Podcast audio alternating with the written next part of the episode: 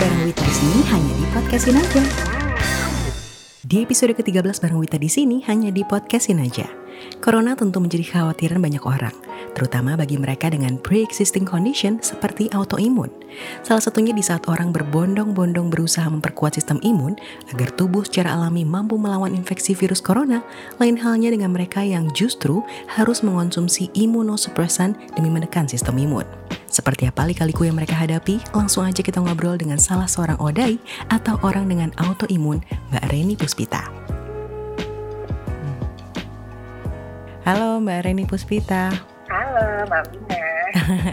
Jadi aku mengenal Mbak Reni Puspita ini nggak sengaja sebenarnya ya, dari forum Quora. Nah Mbak Reni ini tuh membuat satu forum bernama Autoimun. Di situ Mbak Reni belakangan juga aku mungkin baru merhatiin kali ya Mbak Reni membagikan berbagai tips-tips dan perkembangan terkini, apalagi yang kaitannya sama teman-teman kita. COVID. Iya betul. Dan yang berarti sebenarnya kalau aku boleh tanya-tanya sedikit nih tentang Mbak Reni, Mbak Reni ini emang salah satu bisa dibilang penyintas autoimun gitu ya Mbak ya? Iya betul. Aku sebenarnya ada empat sih Mbak autoimunnya. Oh. Nah, ada Sjogren syndrome, anticoagulated syndrome, cerebral vasculitis, sama satu lagi itu Gemilina cerebrosis. Ada Itu- empat. Terus uh, itu kan autoimun itu banyak ya Mbak. Cuma kayaknya empat aja tuh teman-teman. Nah itu, aduh kamu banyak banget ya autoimunnya kayak gitu. Hmm, tapi itu secara klinis semuanya terlihat dan ada perbedaannya Mbak Emma. Eh, beda-beda. Ini kan autoimun itu luas banget nih. Heeh. Dia bisa menyerang ke semua organ. Jadi Betul. tergantung jenis autoimun yang dideritanya itu apa, nanti dia gejalanya biasanya ada yang dominan. Misalnya kayak aku nih, uh, syndrome. Itu biasanya dia cirinya matanya kering, kulitnya kering, terus air liurnya kurang. Dia Mm-mm. karena uh, kenanya ke kelenjar. Terus kalau misalnya yang satu lagi, kalau lupus, biasanya nyerangnya ke ginjal atau ke kulit. Ada Betul. ciri-cirinya sendiri sih untuk setiap autoimun. Jadi mungkin gejalanya ada yang tumpang tindih, tapi ada yang uh, khusus untuk autoimun tertentu. Nah, Tapi kalau dikelompokkan sebutannya sebagai invisible illness bener ya Mbak Reni ya? Itu sebenarnya ada ceritanya lagi sih mbak itu. Jadi kalau misalnya di luar negeri, sebenarnya aku sering lihat mereka udah campaign pakai invisible illness ya. Jadi Yes. invisible illness itu nggak cuma mencakup di autoimun aja mbak, dia Mm-mm. itu sebenarnya untuk nyebut semua penyakit kronis yang dari luar itu memang nggak nggak kelihatan gejalanya signifikan kayak misalnya kulitnya ruam-ruam Oke. atau mungkin kalau misalnya yang uh, sorry ya disable gitu kan kelihatan ya. Iya Nah, autoimun sendiri sebenarnya kalau di luar negeri itu ada beberapa yang sudah dikategorikan sebagai disability. Mm-mm. Tapi mereka nggak dapat benefit sebagai disability karena nggak kelihatan.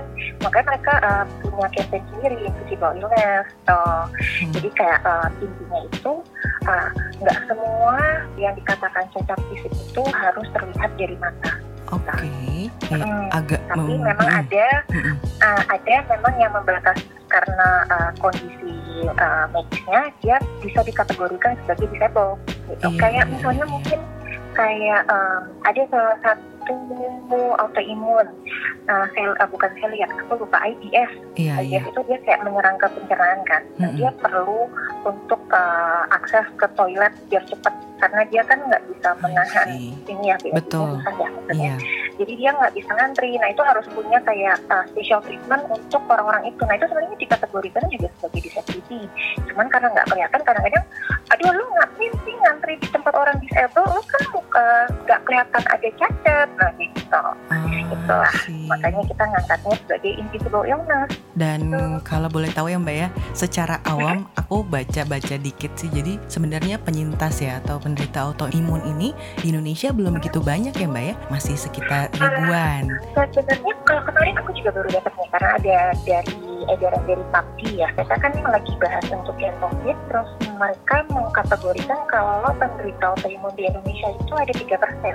Oh, yang terdeteksi mungkin ya Mbak ya. Mm-mm. Jadi sebenarnya uh, kalau aku mungkin lebih setujunya tidak terekspos kali ya Mbak, karena kan masih belum paham nih orang-orang gejala autoimun tuh kayak gimana. Mungkin mereka jadi kayak terlambat memeriksakan diri, nggak terdiagnosis, jadi secara statistik kesannya kayak nggak banyak, Yes. tapi sebenarnya banyak. Sebenarnya gitu. banyak. Bisa jadi hanya satu atau ya seperti Mbak Ren ini misalnya empat gitu ya Mbak ya. Iya. Betul betul. Terus kalau misalkan nih kita lah taruh apa sih yang kita rasain pertama kali gitu sampai dokter Sampai, uh-uh. Uh, kita merasa kalau Betul. apa deh gitu ya. Iya, what happened with my imun gitu maksudnya apa sih gejalanya yang pertama kali yang dirasain? paling signifikan. Nah ini yang sebenarnya yang bikin agak eh, kenapa kesannya pasien autoimun itu kayak nggak banyak. Mm-mm. Karena memang gejalanya itu kan mirip banget nggak sama gejala penyakit yang lainnya. Iya. Yang paling signifikan aku kayak gejalanya tuh kayak sepele.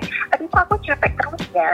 Kok badan aku rasanya ngilu-ngilu ya. Ototku kok pegel. Oh, Kok kepala aku pusing gitu. Heeh. Itu kan sebenarnya kayak gejala yang bisa semua penyakit ya. Kayak orang Betul. bilang masuk angin juga badannya pegel-pegel ngilu. Iya, Terus kepala pusing gitu ya benar. ternyata pas dicek ke sini ke sininya nah ini kok ada gejala tambahan lagi yang lebih spesifik nah ini biasanya dokter tuh nggak langsung oh kamu autoimun prosesnya panjang banget mbak untuk Hmm. diagnosa tuh harus dari gejala klinisnya terpenuhi terus nanti ada tesnya juga biasanya kalau misalnya yang umum lah lupus gitu ya Mm-mm. lupus tuh ada dia harus tes uh, anak profil terus ANIF, anak profil ANIF-nya harus positif, terus ada penanda untuk lupusnya harus positif, dia gejala klinisnya nampak, misalnya ada peradangan ginjal atau Oh, ada see. uh, ada ruam-ruam di kulit wajah yang butterfly baru ntar dia bisa dikategorin sebagai lupus, nanti gitu. Oh. Biasanya sih akhirnya dokter penyakit dalam, terus nanti dikonsulkan lagi ke dokter rheumatologi atau ke imunologi. Nah itu mereka Hmm. biasanya yang berhak untuk memberikan diagnosa untuk autoimun. Oke, berarti Gitu, Mbak. jalur pertamanya itu udah pasti ngelewatin penyakit dalam dulu ya.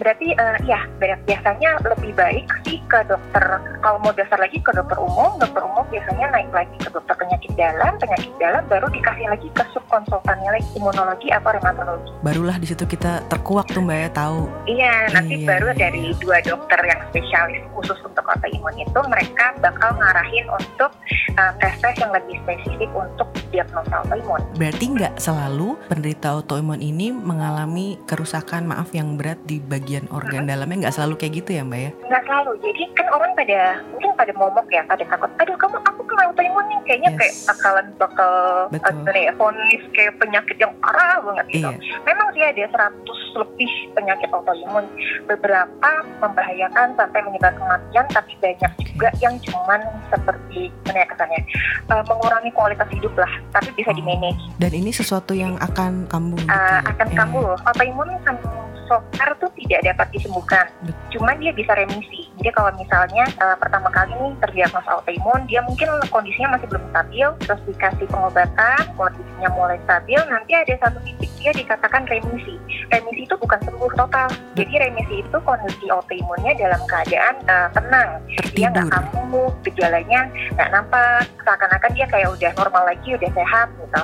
Nah, ada Oh. beberapa yang bisa sampai uh, putus obat, jadi uh, sudah nggak perlu untuk minum obat-obat autoimun lagi supaya terkontrol. Nah, itu udah remisi obat tuh dibilangnya. Jadi Oke. memang nggak ada istilah sembuh total, tapi Iya. bisa remisi. Terus kalau terkait dengan COVID ini sendiri Mbak, apa benar emang penyintas autoimun ini cukup rentan ya Mbak ya sebenarnya ya? Kalau dengan COVID, sebenarnya kan uh, kalau yang terakhir aku juga sempat diskusi nih sama dokter yang merawat aku. Mm-mm. Uh, dok, gimana sih kalau misalnya penyakit autoimun kira-kira uh, penderitanya bakalan lebih ini nggak ya Iya. terpapar imun, eh, terpapar COVID terus nanti lebih parah? Enggak sih, sampai saat ini sebenarnya nggak ada penelitian yang menunjukkan kalau penderita autoimun itu akan lebih signifikan Mm-mm. kalau kena COVID jadi parah gitu. Itu nggak ada sih. Cuman memang kan bisa dibilang uh, kita punya kondisi kayak pre-existing condition ya Iya. yang kondisinya tuh autoimunnya tuh nggak stabil imun sistem imunnya ini nggak stabil padahal kan orang sekarang udah pada tahu nih Iya. aduh kalau biar nggak kena covid kita imunnya harus kuat nih nah Iya. autoimun ini malah jadi sistem imunnya itu overreaktif Hmm. dia salah eh, kalau biasanya dia menyerang patogen bakteri dan eh, virus Mm-mm. dia malah menyerang sel-sel tubuhnya sendiri jadi kayak Oh. dianggap musuh gitu organnya uh, uh, sendiri uh, uh, dia uh. bukan nyerang yang jahat malah yang baiknya diserang-serang semua Oh. Nah ini bikin kondisinya dia kalau terpapar infeksi lebih lebih sensitif lah gitu. Nah Hmm. untuk mengkontrol imunnya biasanya penderita autoimun itu minum obat namanya imunosupresan. Iya, Nah imunosupresan ya. ini Mm-mm. dia akan menekan sistem imunnya dia. Nah ini yang bikin orang khawatir sebenarnya. Oke. Ketika dia autoimun, kemudian dia minum obat-obatan yang menekan sistem imunnya lagi jadi semakin rendah. Betul. Ketika harus menghadapi COVID, Iya. dikhawatirkan nanti sistem imunnya nggak bisa bantu dia untuk Hmm, memerangi virusnya. Nah ini sebenarnya Jadi bukan dari autoimunnya, tapi lebih ke obat-obatan yang dikonsumsi sebenarnya. Oke, jadi kayak Gitu sih, Mbak. uh, uh, bertolak belakang gitu ya. Mm-mm. Bisa dibilang gitu ya. Tapi kalau untuk pencegahan umumnya itu sendiri sama nggak sih dengan teman-teman yang umumnya yang, Yang lain normal gitu? ya? Mm-mm, betul. Nah, general precautionnya kita sama. Kalau yang ada udah kan kita cuci tangan, Iya. pakai sabun atau pakai hand sanitizer, hand mm-mm. pakai masker, uh, social distancing itu sama. Kita semuanya sama persis. Cuman tambahannya mungkin kita harus lebih hati-hati juga untuk obat-obatannya.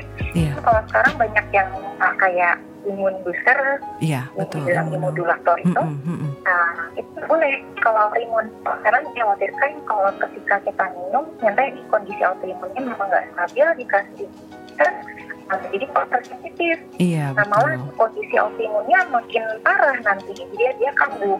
Malah yang disarankan itu justru yang alami, kayak misalnya kita uh, kena paparan sinar matahari pagi-pagi tuh, Mm-mm. jam 10, jam 10 sekitar 5 sampai 15 menit itu cukup buat D yang alami di badan supaya kita bisa menimbulkan sistem imun alami. Nah itu tuh lebih lebih disarankan itu.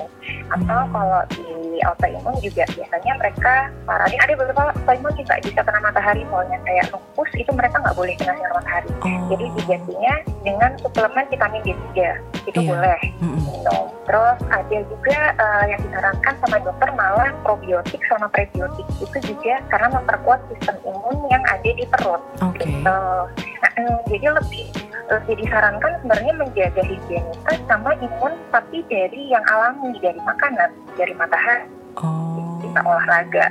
Mm-mm. Berarti kalau boleh saya simpulkan Mbak dari semuanya itu masih normal, hanya konsumsi obat ya Mbak ya, yang itu harus benar-benar diperhatiin banget ya dari mulai Betul. imunosupresannya, terus imunomodulator udah benar-benar nggak disentuh berarti sama Iya. sekali ya. Betul. Nah, Terus sama ada kekhawatiran juga nih biasanya aku dengar dari teman-teman bersama penyintas mereka suka tanya aduh dok mana ya ini sekarang kan covid terus kita minum imunosupresan Iya. nanti imun kita makin lemah dong dok gimana apa obatnya diberhentiin aja Nah, nah itu juga nggak boleh Oke. jadi mereka karena ketakutan imunnya rendah karena minum obat mereka ada yang uh, inisiatif pakai iya tanda iya iya kutip iya betul. menghentikan obat tanpa uh, rekomendasi dokter nah itu sebenarnya yang harus banget diperhatikan tidak boleh dilakukan gitu. Oh. Jadi daripada terlalu khawatir obat-obatnya diberhentiin tuh malah nanti kondisinya sakit Yes. nggak bisa ngelawan autoimun nggak bisa ngelawan si covid. Iya, iya. Oh, berarti emang ikatan dengan dokter ini harus sangat kuat ya Mbak. Kadang kan kita panik terus kayak langsung memutuskan sendiri kan untuk udahlah gue nggak konsumsi lagi nih obat ternyata itu malah salah malah gitu ya. berbahaya, iya Iya, betul. iya, iya, itu iya. malah bahaya nggak boleh gitu. Jadi suka diwanti-wanti banget. Aduh jangan berhenti obat sendiri ya. Terus ada lagi tuh yang sekarang mungkin lagi sering dengar kloroquine Iya, hydro. Hidroksikloroquine. Iya, Nah itu kan kayaknya sejak Jokowi ya mulai Iya. presiden Indonesia memesan 5 juta kloroquine dan Alpigan. Wah betul. itu uh, penyintas autoimun heboh mbak. Langsung huru hara ya Mbak ya, huru hara. Dalam sekejap stoknya hilang dari pasar. Oh, really? Beneran tuh Mbak? itu itu luar biasa panik gitu. Uh-uh. Jadi biasanya kan kita kontrol satu bulan sekali. Nggak ada lah istilahnya kita kayak pengen ada ide untuk nimbun atau nyetok gitu nggak kepikiran lah ya. Biasanya kita terus bulan sekali baru beli obat lagi gitu. Untuk satu bulan. Gitu diumumkan itu berpotensi untuk COVID. harganya melambung tinggi luar biasa banget mbak. Biasanya Oh. tuh kita beli mungkin sekitar 700 ribu per 60 pieces. Iya, Sekarang harganya sampai 4,2 juta mbak. serius. iya, sampai 4,2 juta ya udah Tujuh kali lipat eh, naiknya. Eh, enam kali lipat. Jadi kelangkaan hydroxychloroquine ini bisa dibilang meresahkan ya Mbak ya. Apalagi sekali. Iya, dari mulai harganya. Tapi kalau boleh tahu, itu kan sebenarnya obat keras ya Mbak ya, yang bisa didapat dengan resep dokter ya. Iya, hanya resep dokter. Tapi berarti sekarang jual beli hydroxychloroquine ini udah bisa dibilang bebas juga ya? Eh, jadi hidroksikloroquine, chloroquine eh, itu adalah obat malaria kan ya. Di Heeh. Indonesia tuh sebenarnya udah lama banget nih obat nggak pernah dipakai untuk malaria. Memang Betul. peruntukannya sekarang untuk obat autoimun. Iya. Di luar negeri yang tadi saya sebut pelakunya itu bisa dibeli bebas mbak. Saya Hmm. juga nggak gitu paham sih kenapa bisa dibeli bebas di Iya. apotek-apotek. Jadi banyak teman-teman yang di Indonesia mereka titip kayak pakai jastip atau temennya yang lagi ke Mekah, Mm-mm. ke Singapura, ke Malaysia tuh biasanya mereka titip. Jadi pulang di Indonesia titip yang beliin hidroksikloroquine di sana lebih murah karena daripada di Indonesia dan bisa Mm-mm. dibeli bebas. Mm-mm. Nah begitu sekarang ada COVID dari Malaysia nya sendiri juga udah bisa ya buat beli obat di sana mungkin juga mereka panik attack panik buying iya. juga mbak di sana gitu.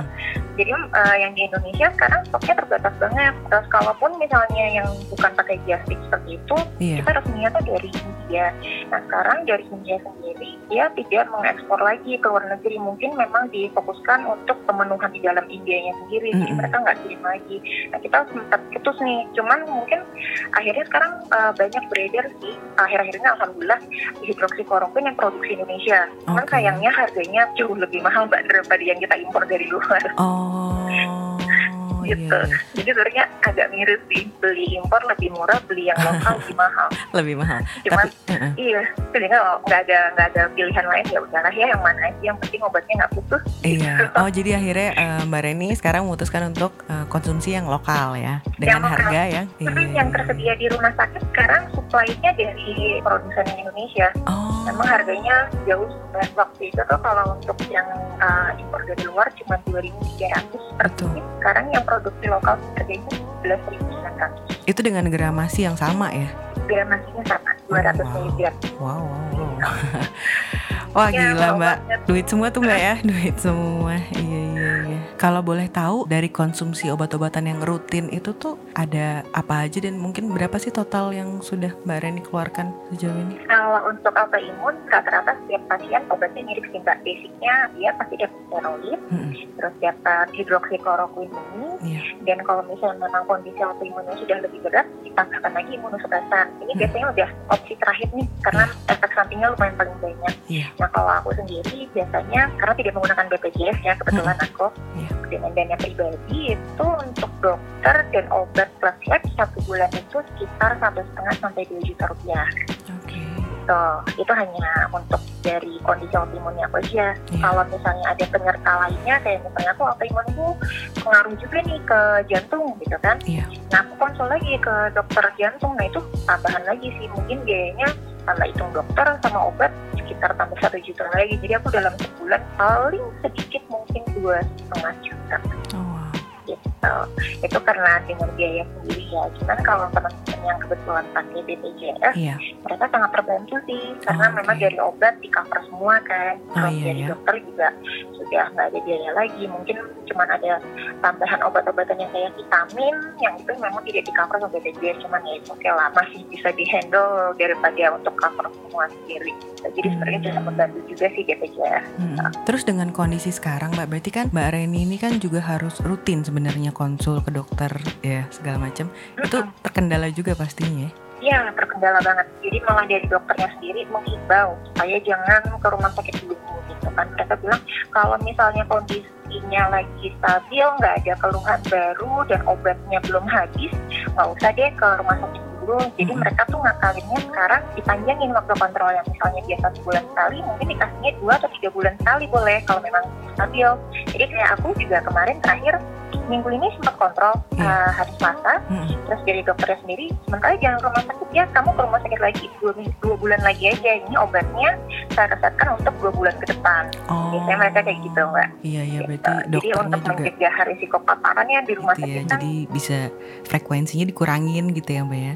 Dua bulan ya sekali. frekuensinya dikurangi Mm-mm. Biasanya sekarang udah pada menyarankan sebenarnya uh, stok obatnya kalau bisa tuh tersedia sampai tiga bulan ke depan. Jadi Iya. kalau memang nggak kondisinya mendesak, uh, disarankan untuk nggak ke rumah sakit dulu sementara gitu. Oh, Oke, terus boleh tanya nggak nih Mbak, Mbak Reni kenal nggak dengan ODAI yang mungkin mengalami gejala corona gitu? Mungkin kalau kenal personal enggak ya, Mbak. Mm-mm. Cuman kemarin tuh kebetulan ada satu influencer namanya itu Andrea Dian Bimo. Oh, I see, Pernah iya, dengar nggak tuh? iya, Ya, iya. dia tuh dia udah terus sempat uh, posting juga kalau dia positif COVID terus Mm-mm. sudah masuk ke isolasi di salah satu rumah sakit rujukan pemerintah. Mm-mm. Terakhir kali kayaknya tanggal 22 Maret kemarin dia uh, info kondisinya udah stabil, Oke, malah tesnya udah negatif tuh mbak COVID-nya dan kemungkinan harusnya kalau misalnya hitung 14 hari masa inkubasi hari ini mungkin udah bisa pulang. Hmm, So, jadi sebenarnya juga teman-teman penyintas yang lain kayaknya udah kayak dapat angin segar tapi kayak iya, aduh ada juga nih akhirnya penyintas yang terbukti survive bisa ngadepin covid gitu. Jadi Iya. kayaknya kita agak lumayan ada pencerahan sedikit lah. Kabar baik ya Mbak ya. betul ada kabar baik. Uh. kalau yang lain-lainnya sebenarnya aku belum ketemu sih. Kalau yang memang kenal dekat cuma satu aja udah settle kayak rasanya senang banget. Iya sih benar-benar ya kayak apa ya plus minus lah ya nggak sih? Kalau misalnya mungkin kita yang normal harus berjuang sekuat tenaga gitu kan untuk bisa iya. bertahan. Ya, iya, si Mbak Andrea sendiri juga sempat dia menyatakan kekhawatiran karena dia bilang juga dia tulis soalnya aku juga punya kondisi autoimun yang sistem imunnya nggak kurang bagus jadi aku juga jadi khawatir. Cuman ternyata ke sini mereka uh, ngeliatnya kondisinya baik malah kayaknya sempat bikin donasi juga untuk iya. beli APD deh gitu. banyak sih emangnya influencer yang tergerak dan gak cuma influencer aja sih banyak iya. lah sekarang yang terbuka matanya tapi uh, Mbak Reni sendiri sekarang dalam kondisi yang bagus ya mentally and physically nggak terpengaruh lah dengan berita-berita yang aneh-aneh di luar sana kan Enggak sih. Nah itu juga itu juga sebenarnya penting ya. Hmm. Kalau buat teman-teman juga uh, stres ya. Kalau autoimun itu sebenarnya dia salah satu triggernya itu stres mbak. Ah, Jadi kalau misalnya stresnya tinggi, biasanya mereka lebih gampang kumat autoimunnya. Oke. Okay. Sampai dokter tuh bilang uh, pokoknya selain jaga higienitas, social distancing penting. Garis bawahi jangan stres. Stres itu bikin sistem imunnya turun. Hmm. Jadi kalau sekarang kebanyakan baca berita covid bikin stres iya. puasa sosmed aja deh mendingan. Puasa sosmed ya. Atau uh, lakukanlah hal yang menyenangkan ya mbak ya. Betul. Iya, lakukan hal yang menyenangkan. Kalau misalnya emang senangnya olahraga berenang itu juga lebih bagus ya daripada stres ngeliatin berita terus terus malah sistem imunnya turun daya tahannya turun iya. autoimunnya kambuh nah iya. lebih parah lagi. Dan nggak gitu. ada pantangan ya mbak ya untuk melakukan olahraga mau yang oh, sedang paling berat. Sebenarnya nggak ada cuman kan basically yang precaution tadi ya general precaution maksudnya juga intensitas untuk keluar kalau bisa kurangin iya. kan olahraganya di dalam rumah aja mm -hmm. bisa kayak olahraga yoga mm. atau kayak misalnya kayak ada yang cardio uh, seven minute cardio yang samping itu kan juga bisa Betul. nah aku sendiri aku sendiri juga uh, sekarang udah mengisolasi diri sih mbak lebih aneh sejak awal Maret tuh aku udah nggak pernah keluar rumah lagi karena memang juga semuanya kan juga suami juga di rumah kan iya. uh, work from home terus jadi kalau keluar paling jadwal ke rumah sakit aja udah gitu. Yang lainnya aku udah sangat mengurangi untuk uh, mengunjungi keramaian tuh udah dipangkas banget. Oh berarti emang mm, disiplinnya harus, harus tinggi tuh ya? sendiri. iya iya iya. Walaupun tadi dibilang jangan panik terus uh, uh, kemungkinannya juga misalnya autoimun belum belum bisa dibilang memang lebih beresiko tinggi cuman iya. ya mendingan jaga-jaga lah ya gitu. Iya boleh cerita lagi nih mbak Reni? Lagi program untuk kehamilan atau? Ya. Uh -uh. itu sebenarnya uh, lagi program mbak. Kebetulan aku juga baru menikah bulan Agustus kemarin uh, kan. Ah, jadi uh, udah sempat bilang juga ke dokter. Nah kalau untuk di penyintas autoimun itu iya. hamil harus diprogram karena memang ada beberapa kondisi yang bisa membahayakan janinnya nah oh. kebetulan aku ada kondisi autoimunnya itu salah satunya antiposplit syndrome nah si APS ini dan antiposplit ini dia berpotensi untuk ya, membuat keguguran berulang aku hamil eh, mau menikah terus mau bilang mau hamil dokternya eh kita program dulu ya kita harus kondisikan badan kamu untuk uh, siap hamil jadi autoimunnya harus dalam keadaan stabil dulu baru hmm. boleh ikut program. Nah ini sebenarnya aku lagi program, tapi ternyata sekarang kan pandemik nih mbak. Iya, iya. Jadi dokternya kemarin juga sempat menyarankan kayaknya kamu uh, di pending dulu kalau bisa hmm. dia karena kan kalau program kamu paling nggak harus intensitas bolak-balik ke rumah sakit untuk cek kehamilan, iya. terus cek kondisi tubuh apa segala rupa. Nah itu kamu nggak bisa menghindari rumah sakit. Jadi mungkin better di pending dulu sampai situasinya sudah lebih kondusif, nanti dilanjutkan lagi programnya kayak hmm, gitu. Dipospon dulu lah mbak ya. iya, iya, Jadi iya. nggak nggak sebenarnya nggak langsung jadi covid cuma untuk mencegah frekuensi sering bolak-balik ke rumah sakit. Gitu. Hmm. Nah, terakhir banget nih Mbak Reni, eh, sebelum kita tutup okay. perbincangan, Mbak Reni ada sedikit pesan-pesan nggak sih untuk sesama teman kita mungkin yang ODAI misalnya dia mendengar? Ya, aku biasanya selalu ketemu sama teman-teman sama penyintas yang lainnya itu iya. uh, benar-benar harus jaga banget untuk kebersihan pribadi. Tadi yang self hygiene itu cuci tangan, jangan pernah nyentuh wajah sebelum cuci tangan, terus iya. jangan lupa pakai masker kalau memang harus pergi keluar itu penting karena itu satu kan kita punya kondisi pre-existing condition yang mungkin bisa lebih rentan tapi Iya. uh, ya jangan parno juga itu terus kemudian social distancing yang tadi hindari rumah sakit terus kalaupun misalnya mendesak ke rumah sakit uh, kalau bisa jangan naik kendaraan umum Mm-mm. karena itu kan potensi juga tuh gampang ketemu banyak orang Benar. juga nggak higienitasnya Iya. belum terjamin juga ya lebih Uh-uh. susah gitu terus kemudian pastikan juga obat-obatannya kalau bisa bukannya menimbun ya tapi Iya. di stok cukup paling nggak sampai dua atau lebih bagus lagi tiga bulan ke depan jadi Iya. nggak perlu bingung kalau obatnya habis Karena Nanti memang nggak tidak putus boleh putus obat ya mbak ya, itu harus nggak digaris boleh, bawahi. iya nggak boleh putus obat. Nah, Iya. jadi makanya itu pentingnya untuk punya persediaan obat yang cukup supaya nggak putus dan nggak kambuh Iya. autoimunnya. Mm-mm. Kan tadi memang fokusnya supaya nggak sering-sering ke rumah sakit. Jadi sebaiknya memang minta ke dokternya bikin kopi resepnya. Mm-mm. Nah, terus untuk kekebalan sendiri karena memang dari autoimun ODAI tidak disarankan pakai imun booster ya. Mm-mm. Jadi mungkin lebih difokuskannya untuk keseimbangan hidup lain kayak misalnya tidur cukup minimal 7 sampai 8 jam. Hmm. Mungkin kayak jam 9 tuh udah mulai tidur, Hmm. terus pagi berjemur 10 menit nah, sekitar jam 8 sampai jam 10 supaya Hmm. dapat vitamin D.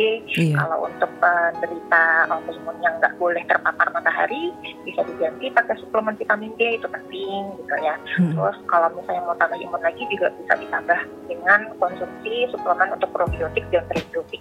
Itu lebih disarankan daripada pakai vitamin-vitamin yang sekarang banyak dipakai lah gitu. Mm-mm. Kemudian juga yang ini terakhir sih sebenarnya kalau itu juga harus digarisbawahi banget karena stres itu men-trigger autoimun. Jadi Iya. kalau misalnya memang tadi terkait dengan pandemi ini, kalau misalnya banyak baca berita malah bikin stres, sekarang saatnya untuk puasa sosmed gitu sih. Iya. Jadi jauhin dulu kalau misalnya pun misalnya mau dapat informasi, pastikan informasinya dari yang sumber terpercaya. Sumber Jadi terpercaya, jangan dengar-dengar yang dari WA WA grup Yes. atau hoax yang lain lah ya kayak gitu. Nah itu malah bikin stres lah. Nggak bikin stres. Sama mungkin kalau untuk yang di luar dari penyandang ODAI, titip pesan sih ke teman-teman supaya jangan ikutan latah beli hidroksikloroquine tanpa resep Itu peringatan Ya, keras ya mbak ya. selain eh, selain memang itu obat keras dan harus ada resepnya itu ada berita juga yang sampai udah eh, meninggal karena mungkin takaran dosisnya tidak sesuai ya dia self media ini pengobatan Oh, sendiri jadi uh, hmm. overdosis mungkin gitu Oh. Eh, juga kasihan kan teman-teman yang memang sekarang Butuh. eh, banget Mm-mm. jadi obatnya sekarang hilang di pasaran jadi mereka putus obat Iya gitu sih. bukannya bukannya dia utamakan buat yang membutuhkan malah dia pakai seakan-akan itu vitamin padahal enggak Iya, Nah betul. itu, jadi aku paling titip pesan ke teman-teman yang bukan odai untuk nggak ikutan latah beli kloroquine atau hidroksikloroquine. Iya. Demi demi keselamatan diri sendiri juga sih mbak, karena kan itu harus dari petunjuk dokter penggunaannya. Betul. Gitu. Mbak Reni, satu lagi aku boleh tanya nggak? Kalau Boleh. di tempat umum gitu, how do you deal with normal situation or normal people gitu? Maksudnya kayak tadi, gua agak mikir sih kayak ketika ada orang yang harus deket dengan WC gitu ya misalnya karena kondisinya dia. Nah, itu kan berarti kan sesuatu yang physically kita nggak bisa lihat gitu. Apa yang teman-teman kita ini rasain? Heeh, Jadi gimana mereka kayak seakan-akan gimana caranya biar kita bisa dapatin empati orang dengan kondisi kita gitu sih? kan. Yes. Nah ini sebenarnya ini challenge banget sih mbak. Makanya aku kenapa juga mulai memperkenalkan term invisible illness itu karena sehari-hari tuh biasanya tuh waktu dulu aku masih di kantorku yang lama tuh mereka kayak nggak paham kok kamu sering banget ya ke rumah sakit tapi aku Hmm. ngeliatnya kamu sehat Iya. ya nggak kelihatan sakit sama sekali gitu. Iya. Ya paling mungkin aku harus dengan sharing kayak gini sih aku cerita ke mereka kalau obat-obatanku ya sebenarnya aku tidak ingin dikasihani sih mbak. Cuman Iya. akhirnya aku memperlihatkan banyak banget nih obat yang harus aku konsumsi terus jadwalku juga harus bulan sekali kontrol terus ada beberapa kali aku harus masuk rumah sakit jadi aku harus open sih sebenarnya nggak Hmm. boleh malu untuk Mm-mm. cerita kalau misalnya autoimun itu memang memerlukan perlakuan khusus Baik. ada beberapa. Yang nggak mau ngaku nggak ada yang nggak mau ngaku karena dia takut nanti dianggapnya disable gitu kan Yes. mereka terus kalau aku justru kebalikan supaya mereka paham aku harus membuka diri dengan kondisi aku yang sebenarnya tuh kayak gimana ya aku cerita ya misalnya waktu itu aku sempat stroke ya mbak Iya. karena autoimunnya ada palan darah di otak Hmm. kemudian aku harus pakai kursi roda Iya.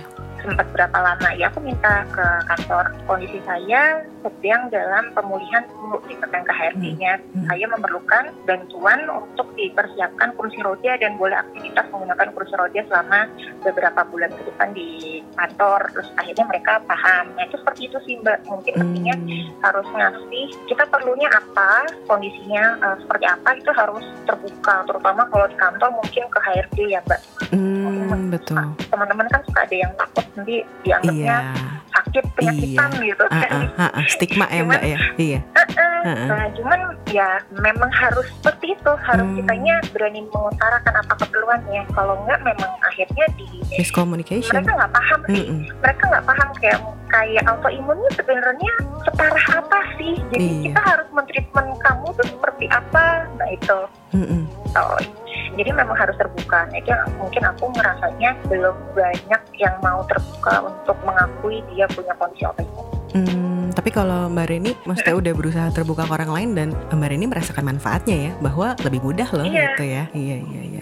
Karena sebenarnya dengan terbuka kita malah membentuk support system sih mbak. Jadi aku karena cerita ke teman kantor, ke keluarga, ke bos aku, jadi mereka memaklumi gitu. Jadi Oh, mereka bukan untuk minta dikasihani yang pasti ya kan. bisa- Tapi betul. Jadi mm-mm. kalau misalnya aku kayak, eh, aduh maaf bu, eh, saya hari ini harus izin karena kondisi saya tidak memungkinkan untuk ke kantor. Mereka paham. Mm. Oh ya udah kamu istirahat gitu. Kalaupun misalnya perlu waktu agak lama ya tinggal dikasih surat dokter. Mereka paham sih udah langsung nggak akan tanya-tanya lagi kenapa gitu. Nah Oke. itu sih harus harus dari kitanya sendiri yang berani open Oh, tentang kondisi diri. Iya iya iya emang butuh satu keberanian besar sih mbak tapi setelah dilakukan ternyata oh tidak semenakutkan itu ya kan Iya. maksudnya dunia Aku tidak se-judgmental itu kok sama kita iya iya Iya. aku paham Judgementnya itu sih, memang yang yang gede itu yang tantangan paling besar itu takut sama judgement eh, dari orang-orang di sekitar kita gitu. iya Kalau gila nih. misalnya sudah bisa open, uh, ke sananya insya Allah lebih mudah sih. Mbak Reni gila nih uh, big heart woman yang gue baru nemu tapi bisa ngobrol seakrab ini ya thank you banget ya mbak buat sama-sama, aku juga seneng bisa sharing-sharing kayak gini. Jadi uh, kalau kalau ada teman-teman yang penasaran itu kadang-kadang suka gue, ayo mau tanya apa lagi tentang autoimun, nanti aku jelasin sebisa mungkin. Betul. Kayak gitu. Maksudnya kadang kita karena kecuekan atau ketidakingin kita untuk melekan jadinya kita nggak tahu padahal kalau kita cari tahu lagi oh ternyata ada pembelajarannya misalnya gue ngerasa gue normal ya gue harus bisa lebih ngargain dan oh harus begini ya kita mentret gitu jadi paling nggak tahu lah iya iya Iya. iya, iya. Jadi sebenarnya perlunya support dari sesama penyintas tuh sebenarnya itu sih. Hmm, Jadi dapat motivasi ngelihat yang udah sembuh gitu kan. Kalau ternyata autoimun tuh walaupun nggak bisa sembuh total, tapi kalau sudah dikasih pengobatan dan treatment yang baik, Mm-mm. disiplin, kondisinya bisa normal lagi. Iya. Walaupun mungkin masih harus kontrol sesekali, masih Mm-mm. ada beberapa obat yang harus dikonsumsi. Cuman hampir dari quality of life-nya baliklah ke orang yang normal lagi gitu. hmm, Jadi memang mungkin tahun-tahun kalau aku yang melihatnya tahun pertama sampai kelima itu mungkin yang paling berat sih untuk penyintas autoimun iya, karena dari adjustment badannya sendiri mungkin masih sering kambuh, iya. obat-obatannya juga dosisnya masih tinggi, jadi efek sampingnya juga masih banyak ya. Dan dari diri sendiri juga dia masih agak-agak gimana ya shock dengan perubahan hidupnya itu Betul. loh mbak. iya Dari betul yang tadinya serba bisa gesit terus tiba-tiba jadi gampang sakit. Nah itu sempat mungkin ada fase kayak depresi ya. iya Tapi uh-uh. itu aku juga ngalamin. Nah kalau udah ke sininya kan mungkin penerimaannya udah bagus nih. Jadi mereka juga dari kondisi fisik, mentalnya juga udah lebih kuat, jadi lebih stabil. Nah itu Iya. sih. Itu perlunya support system dan gabung ke komunitas sharing-sharing itu sebenarnya itu bisa belajar dari pengalaman orang lain. Jadi Hmm. kayak, oh aku visionku tiga tahun lagi revisi gitu. iya iya harus dong mbak ya kan Mm-mm, Iya. kayak gitu. Yang paling paling itu sih. Jadi akhirnya aku sama temanku yang di Alpha Indonesia ini kayak kita lagi mau bikin program sih Mm-mm. mungkin lebih bikin pengennya nanti ada kayak kopi kopi harap Iya. apa ya istilahnya kumpul-kumpul offline-nya lah kayak gitu kumpul Iya. offline terus bikin video mungkin kayak di Instagram kan Mm-mm, sekarang mm-mm. gampangnya gitu ya iya Instagram live IGTV gitu-gitu. atau apa iya Iya, sebenarnya juga kan aku sekarang aktif di salah satu uh, yayasan tuh mbak. Mm-mm. Cuman memang skopnya kecil, dia hanya untuk Sjogren syndrome aja. Oh. Sementara kalau aku dan temanku pengennya mencakup skopnya lebih besar ke Iya. autoimun yang semuanya kan. Jadi Mm-mm. Kita kadang-kadang programnya nggak bisa digabung sih. Kalau untuk di yang yayasan Sjogren Syndrome ini ya udah aku support memang cuma untuk teman-teman yang penyandang Sjogren aja. Sementara untuk autoimun yang lain aku lebih banyak aktifnya sharingnya di autoimunesia ini di sekarang kayak gitu. Terus gimana? Kemarin sempet ini ya dokter yang di RSCM kayaknya aku ngeliat podcast. Iya. Aduh. Iya, kebetulan juga dokter aku kan semua di RSCM ya. Ha-ha. Di RSCM banyak dokter ajaibnya. Dokter-dokter Iya, memang. pinter. Memang rujukan nasional sih mbak. Kalau Iya. autoimun itu sekarang yang kalau misalnya pakai BPJS yang bisa menangani autoimun, sementara yang aku tahu paling di Omni, terus di Columbia Asia, perujukan nasionalnya di RSCM memang. RSCM ya. pusatnya. Jadi memang kayaknya semua penyintas autoimun dokternya eh, kalau nggak dokter Nanang dia juga kan pengajar di RSCM kan Iya. dokter Alvina, dokter Iris itu juga di RSCM. Jadi semuanya memang ya udahlah emang pakarnya kumpulnya di satu tempat. Iya, ya udah kalau begitu Mbak Reni terima kasih ya buat sharingnya. Semoga iya, tetap sama-sama. semangat walaupun di rumah Iya. aja pasti banyaklah kegiatan positif yang bisa kita lakukan kan ya. Nah, bisa justru lebih produktif karena di rumah aja jadi bisa banyak yang dikreasikan. Betul betul betul. Oke kalau gitu Mbak Iya, salam untuk eh, sang suami Mbak. Salam Iya, kenal. sama-sama. Iya. Ya, thank you Mbak. Terima kasih atas waktunya. Selamat sore. Iya, sore. Semoga kita semua, terutama teman-teman ODAI dan pre-existing condition lainnya yang ada di sekitar kita bisa survive dalam menghadapi pandemi corona ini ya. Stay safe and healthy. Sampai jumpa di podcastin aja episode selanjutnya. Wita pamit. Bareng Wita sini hanya di podcastin aja.